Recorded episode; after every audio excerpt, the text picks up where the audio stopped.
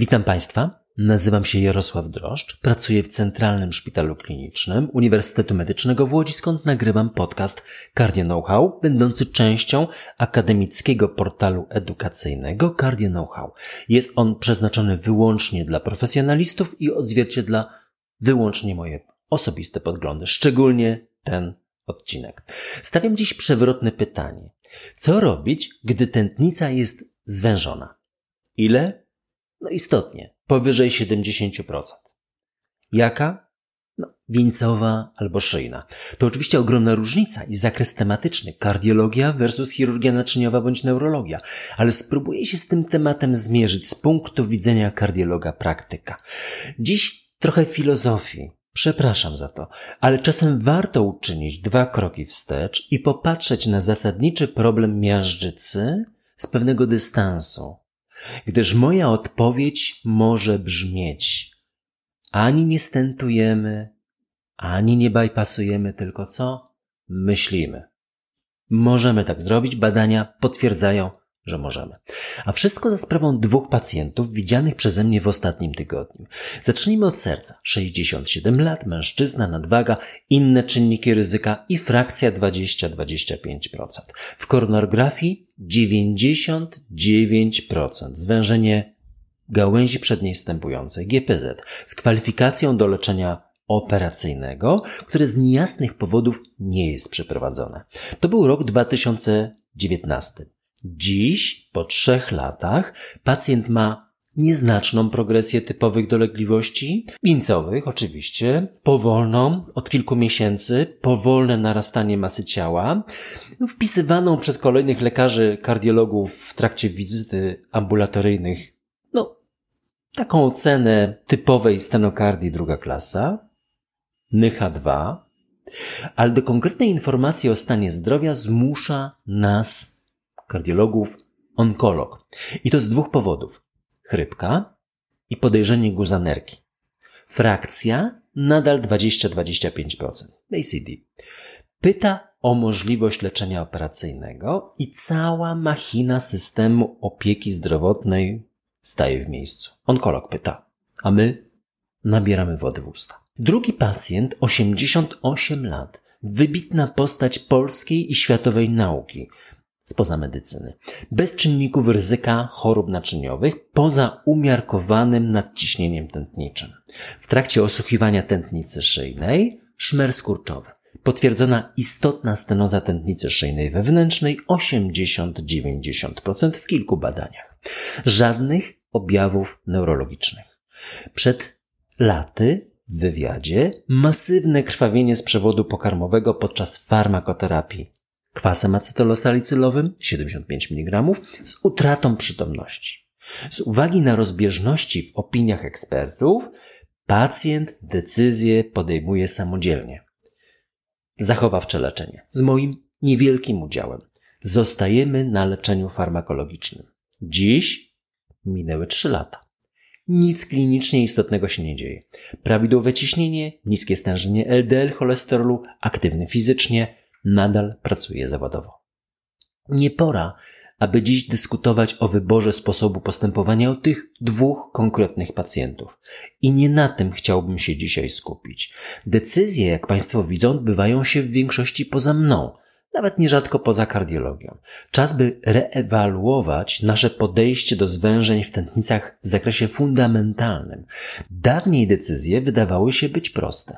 Odkąd nauczyliśmy się operacyjnie lub drogą przezskórną, interwencyjnie leczyć wszelkie zwężenia, skutecznie leczyć, podejmowaliśmy tą spektakularną metodę leczenia. Było zwężenie, bum, nie ma zwężenia. Pełny sukces widoczny na zdjęciach, filmach jak na dłoni. Nikt nie miał wątpliwości, że należy zaopatrzyć istotne zwężenie w tętnicy, ponieważ nawet na oko wygląda groźnie, a po zabiegu jest super. Wszyscy są zadowoleni. No ale czy na pewno? No, następnie szło to tak. Znaczna poprawa techniki zabiegów z ustaleniem dokładnie optymalnego zabiegu do danego zwężenia. Po drugie, przeciąganie liny między chirurgami a kardiologami interwencyjnymi, czego najbardziej spektakularnym beneficjentem był sam pacjent. Po trzecie, Coraz silniej hamowaliśmy krzepnięcie krwi, ponieważ coraz bardziej nam ono przeszkadzało podczas zabiegów interwencyjnych i potem. Po czwarte, widzieliśmy jedynie sytuacje dwie, gdyż tylko tacy pacjenci zjawiali się u kardiologa. A. Spektakularna poprawa. B. Nawrót zwężenia. Po piąte, nie widzieliśmy dwóch innych sytuacji. A, a właściwie C. Pacjent ma masywne krwawienie lub D. Pacjent umiera. Do nich udaje się dotrzeć jedynie w przypadku badań klinicznych. Po szóste, nie widzieliśmy chorych, którzy mając nieme klinicznie zwężenia, nie mieli diagnostyki, gdyż jak mieli diagnostykę i zwężenie, trafiali do nas do interwencji. No ale musi ich chodzić wokół nas wielu. Po siódme, nie widzieliśmy także wielu pacjentów, jak ta moja dwójka, u których mając zobrazowane zwężenie tętnicy, pozostają oni na leczeniu farmakologicznym, na współczesnym leczeniu farmakologicznym, naprawdę bardzo skutecznym. 8. Pamiętamy o naturze ludzkiej. Jeśli ktoś trzyma w ręku młotek, to wokół widzi sporo gwoździ. Nie mam intencji obrażać ani kardiologów interwencyjnych, ani chirurgów, ale faktem jest, że choć sporo wśród nich jest głęboko analizujących klinicystów, to grupa rzemieślników też jest niemała. 9. Pamiętajmy o konflikcie interesów. Nie mam intencji obrażać ani kardiologów interwencyjnych, ani chirurgów, ale faktem jest, że łatwiej podejmuje się decyzję o operacji, skoro jest to związane z osobistym wynagrodzeniem. I 10. Mamy czerwiec 2022 roku. Znakomitą farmakoterapię, świadomość upływającej historii i wiedzę na powyższe tematy. Świadomość ograniczeń ludzkiej natury, oczy patrzące na otoczenie i analizujące dwie konkretne ludzkie historie. Zwężenia tętnicy bez uchwytnej konsekwencji klinicznej przez trzy długie lata. Podsumowanie. Sytuacja pierwsza. Zwężenie tętnicy wieńcowej z symptomatologią przewlekłego zespołu wieńcowego, ewentualnie z przewlekłą niewydolnością serca, stabilną. Po pierwsze, co mówią wytyczne? No, przewlekłe zespoły wieńcowe 2019 jest na stronie ptcardio.pl, rozdział 3.4 rewaskularyzacja. Optymalne leczenie farmakologiczne jest kluczem do zatrzymania progresji miażdżycy i zapobiegania zdarzeniom zakrzepowym u pacjentów z przewlekłym zespołem wieńcowym. Rewaskularyzacja mięśnia sercowego odgrywa główną rolę w leczeniu przewlekłych zespołów wieńcowych poza leczeniem farmakologicznym, ale zawsze jako leczenie dodatkowe, nigdy alternatywne. A dalej w tabeli, co należy robić, a czego nie należy robić? Pacjenci z wieloletnim przewlekłym zespołem wieńcowym bezobjawowi zaleca się okresowe wizyty u lekarza celem zmiany profilu ryzyka, stosowania się do zaleceń, leczenie chorób współistniejących. Nie spotkałem nigdzie bezrefleksyjnych wskazań do koronarografii ani rewaskularyzacji. A wytyczne niewydolności serca z roku 2021, rozdział 12.2.2. Rewaskularyzacja mięśnia sercowego.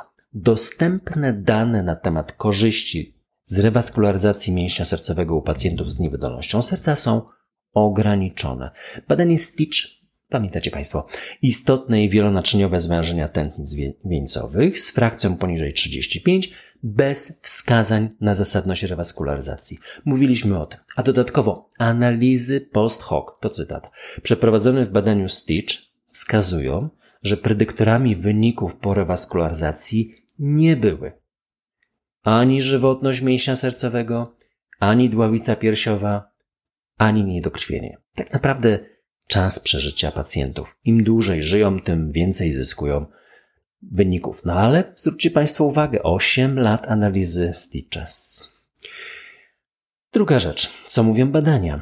Ischemia. No mówiliśmy o tym. Krótko mówiąc, żadnej uchwytnej, istotnej klinicznej przewagi, nawet u pacjentów z potwierdzonym niedokrwieniem, czyli w grupie bardziej zaawansowanej w zakresie choroby wieńcowej, nie tylko zwężenie, ale także jego fizjologiczna, choć umiarkowana, 10% niedokrwienia, konsekwencja niedokrwienia. Stitch. Mówiliśmy o tym. Krótko mówiąc, żadnej uchwytnej, istotnej klinicznej przewagi niezależnie od żywotności mięśnia sercowego, dławicy, niedokrwienia. W obu badaniach wprawdzie po wielu latach, powyżej pięciu, częściowo potwierdza się przewaga rewaskularyzacji, tylko że w obu farmakoterapia nie była optymalna. LDL cholesterol był zbyt wysoki, wokół nas znaczne i rewolucyjne postępy są też w farmakoterapii niewydolności serca. No i trzecia rzecz z tego zakresu. Co widzę w codziennej praktyce? No jak jest podejrzenie zwężenia tętnicy, to koronografia tętnicy wieńcowej. No? To następnym krokiem jest koronografia z całkowitym pominięciem trzech elementów. Po pierwsze, diagnostyka nieinwazyjna, po drugie, eliminacja usuwalnych czynników ryzyka, po trzecie, perfekcyjna farmakoterapia z LDL poniżej 55, czy nierzadko poniżej 40, przy uwzględnieniu statyn bądź inhibitorów PCSK9, dostępnych u nas nieodpłatnie dla sporej grupy chorych z LDL powyżej 100. Będziemy o tym mówić. Druga sytuacja. Jak jest zwężenie tętnicy, to natychmiast następuje interwencja, a leczenie farmakologiczne, czynniki ryzyka pozostają nadal nieoptymalne. Jeśli jest jakakolwiek sytuacja przeciągania liny, to tylko kardiolog interwencyjny versus kardiochirurg. Trzecia sytuacja. Pacjent kwalifikowany do operacji pozakardiologicznej i konsultacji kardiologa. Jego decyzja o niekończącej się eskalacji diagnostyki kardiologicznej. A to echo, a to holter, a to wreszcie koronarografia. Ostatnio widziana pacjentka trzy miesiące chodziła od Annasza do Kajfasza z prostym problemem pęcherzyka i nadmiernie opiekuńczym kardiologiem, który widocznie nie miał co robić. W zdecydowanie złym znaczeniu słowa opiekuńczy. Raczej powiedziałbym niedouczony, nieludzki, ukierunkowany na zaspokojenie własnych lęków i nieznajomości wytycznych, bo po pierwsze, nie ma potrzeby koronarografii przed zdecydowaną większością operacji pozakardiologicznych i w zdecydowanej większości sytuacji klinicznej. Po drugie, mniejsza bieda ich, gdy nie znajdzie się zwężeń. No trudno, uszkodzeniu ulegnie nieco tętnica promieniowa, nieco gorsze nerki będą po kontraście, bezsensowne wydatki NFZ-u, niepotrzebne zaangażowanie personelu oddziału kardiologii, hemodynamiki, pielęgniarek zespołu pielęgniarskiego, zajęcia łóżka szpitalnego bardziej potrzebującym, bo po trzecie, większa bieda, gdy mamy zwężenie, implantowany tam zostanie stent, bez danych na niedokrwienie, w takiej przewlekłej sytuacji, przewlekły zespół wieńcowy. Jest wprawdzie optymistycznie wyglądający schemat. Zwężenie, bum, nie ma zwężenia. Ale wszystkie te dane z roku 2002 wskazują na brak korzyści klinicznych rewaskularyzacji w przewlekłych zespołach wieńcowych, nawet jeśli niedokrwienie jest obecne. A mamy sytuację podwójnej terapii przeciwpłytkowej. I co? Kolejne 3 miesiące, 6 miesięcy, 12 miesięcy? Kolejna sytuacja. W niewydolności serca nadal słyszę wskazanie do koronografii. Pacjent ma duszność.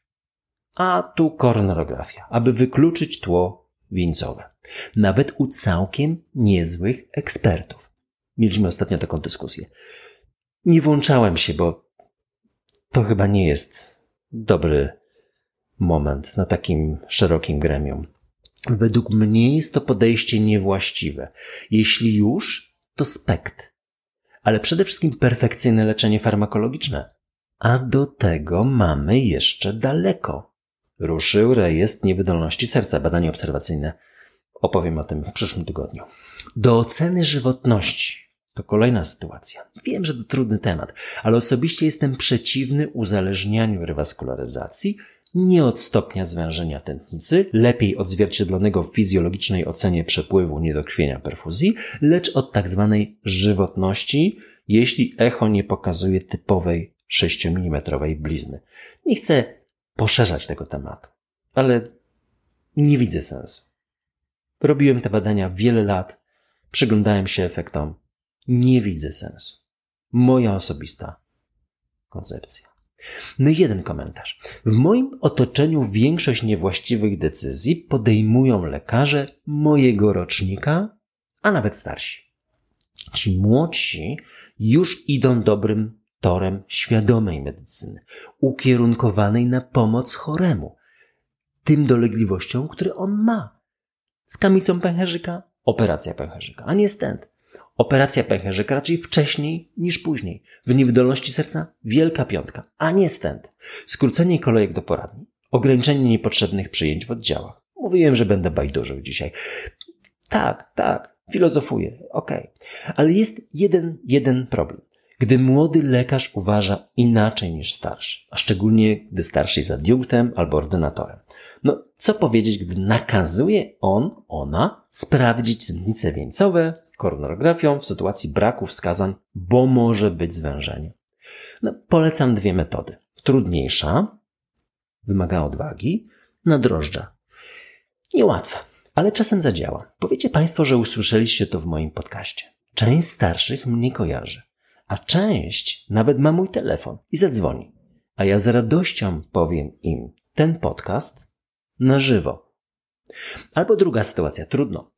Robimy koronografię i patrzymy, co się stanie.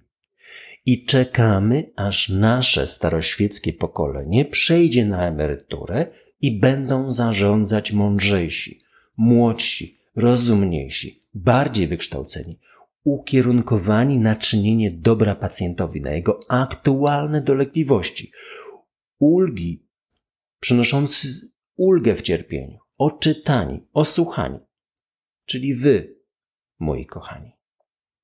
No i druga sytuacja. Asymptomatyczne zwężenie tętnicy szyjnej. To nie jest moje terytorium pracy klinicznej. Bardziej traktujcie to Państwo jako ilustrację relacji zwężenie versus najlepsze aktualne leczenie.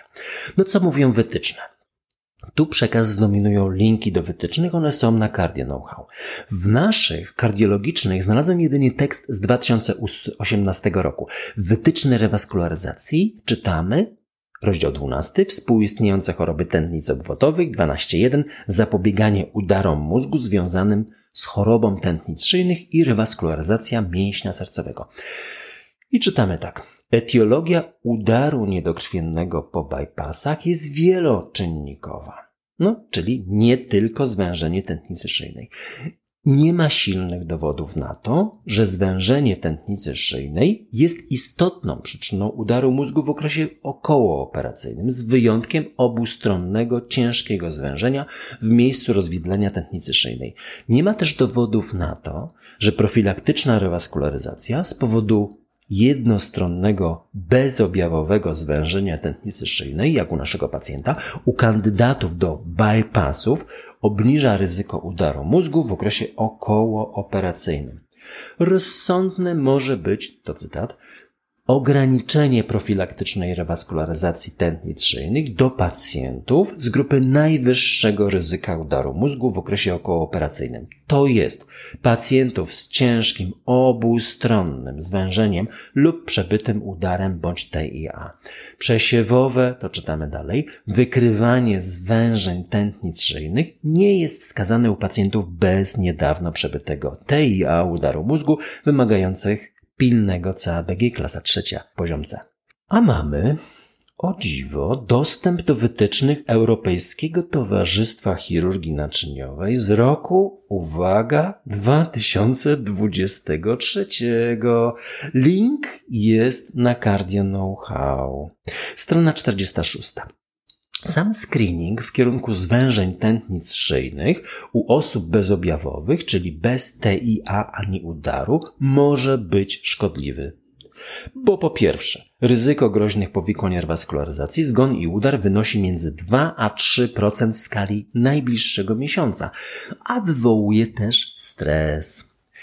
Strona 46. Screening w kierunku asymptomatycznego zwężenia tętnicy szyjnej nie ma znaczenia w rokowaniu, nie przynosi korzyści uchwytnych w żadnym randomizowanym badaniu klinicznym. W poprzedniej wersji tych wytycznych był identyczny zapis. W przyszłym roku będzie taki, jak słyszycie Państwo. Strona 48. Czteroletnia obserwacja badania WAX. Nieznaczny, istotny spadek liczby udarów po endarterektomii. Pięcioletnia obserwacja badania AKAS. Spadek już istotny, ale pacjenci w znacznym stopniu palili tytoń, a statyny były absolutną rzadkością w farmakoterapii. Zdębiałem. W tym badaniu pierwszym WAX nikt nie miał leków hypolipemizujących. AKAS taka kategoria hypolipemizująca, troszkę szersza niż statyny. 13%. Przypominam, że to były lata na przełomie wieków, 20 lat temu, ale my wówczas już szeroko stosowaliśmy statyny. Strona 50. Stopień zwężenia tętnicy szyjnej nie miał związku z liczbą udarów. Mniej i powyżej 80%, co potwierdzono także w metaanalizach wielu badań. I prosta wymowa wytycznych. Endarterektomia przy zwężeniu 60-99% u pacjentów umiarkowanego ryzyka związanego z zabiegiem i co najmniej podwyższonym ryzykiem udaru. Jest to ściśle określone w tych wytycznych, o ile czas szacowanego przeżycia przekracza 5 lat. I tylko klasa zaleceń 2A należy rozważyć. Stentowanie klasa 2B można rozważyć. Jeśli nie ma cech podwyższonego ryzyka udaru, one są ściśle określone w wytycznych. Ale jest na przykład jedynie upośledzenie poznawcze, to raczej nie proponuje się żadnego zabiegu. Klasa trzecia. Nie zaleca się. I rok 2020. Już nowoczesna farmakoterapia i wyniki JAMA Neurology. Obserwacji ponad 5 tysięcy pacjentów i dwa wnioski. Współcześnie korzyści z endarterektomii w bezobjawowej stenozie tętnic szyjnych są o połowę mniejsze niż 20 lat temu. Dlaczego? No pewnie nowoczesne leczenie farmakologiczne to sprawiło. A zachowawcze postępowanie może być wartościową alternatywą operacji szczególnie uwzględniając ryzyko jej wczesnych powikłań. To ostatnie zdanie z wniosków publikacji.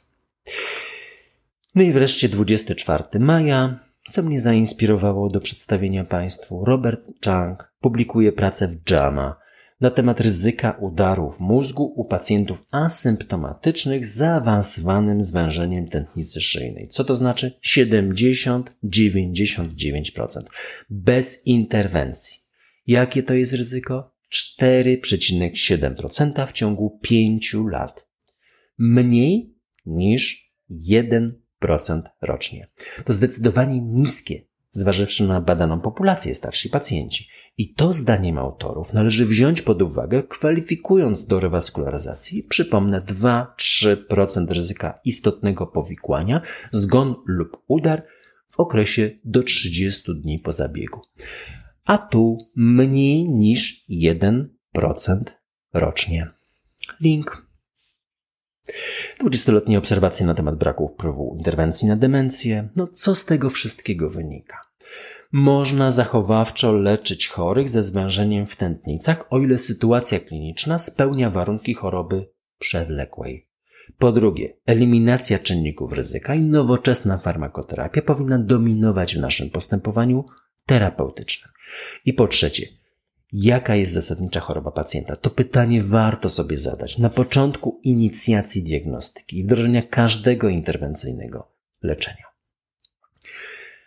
Mamy Jaką decyzję podejmujemy? U pierwszego pacjenta zakwalifikowaliśmy go do koronografii, ewentualnie OPCAP, pomostowanie bez krążenia pozaustrowego. Następnie do diagnostyki terapii onkologicznej. Drugiego pacjenta zostawiamy na leczeniu farmakologicznym. Konsultujący go eksperci już wszyscy nie mają wątpliwości, że minęły 3 lata. To była dość wprawdzie przypadkowa decyzja, ale dobra, Ustalają wizyty co pół roku, a ja przepisuję leki i odbywam fascynujące rozmowy o muzyce, nauce, sporcie, życiu, literaturze. Literaturze. Wracamy do Umberto Eco. Baudolino. Oryginał pochodzi z 2000 roku, a naturalnie z Mediolanu. Moje wydanie rok później. Noir sur Blanc. Tłumaczył Adam, Adam Szymanowski. Wracamy do zawiłości umysłu średniowiecznego. No, powiedziałbym, że moich rówieśników, ale, ale wstrzymam się z sarkazmem. Podobnie jak w Wyspie Dnia Poprzedniego. Tym razem mamy więcej fantastyki, więcej różnych stworów, realnie uczestniczących w życiu ludzi i ta znakomita historia Konstantynopola. Dość krwawa jak to historia, no ale ta szczególnie krwawa. Wojny religijne. Wracając do stworów, obecny jest tam jednorożec. Jak Państwo pewnie wiecie, mamy w Łodzi stajnie jednorożców. Najpierw została napisana ta powieść, bo sięgałem do tego. Później, jako efekt inspiracji, powstała nasza staja. Nie wiem, czy tak było, ale tak wygląda, że tak było.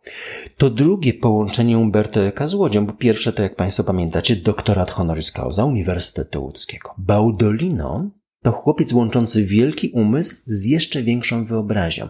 Ale jest coś jeszcze. Utopia.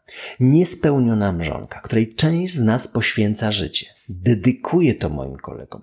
Nie my. My nie poświęcamy jej życia, gdyż nie warto. Lekarz powinien stać obiema nogami twardo na ziemi, na zimno analizując napływające informacje.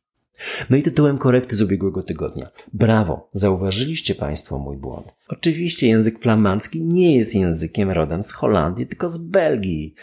Nawet oficjalną nazwę ma niderlandzki. Przepraszam, główny bohater i cała jego rodzina w powieści Wojna i Terpentyna pochodzi właśnie z Belgii.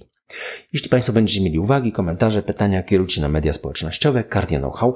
Będę też bardzo, Państwu bardzo wdzięczny za promocję podcastu wśród lekarzy oraz komentarz choćby jednym słowem i oceną. Sława Ukrainii!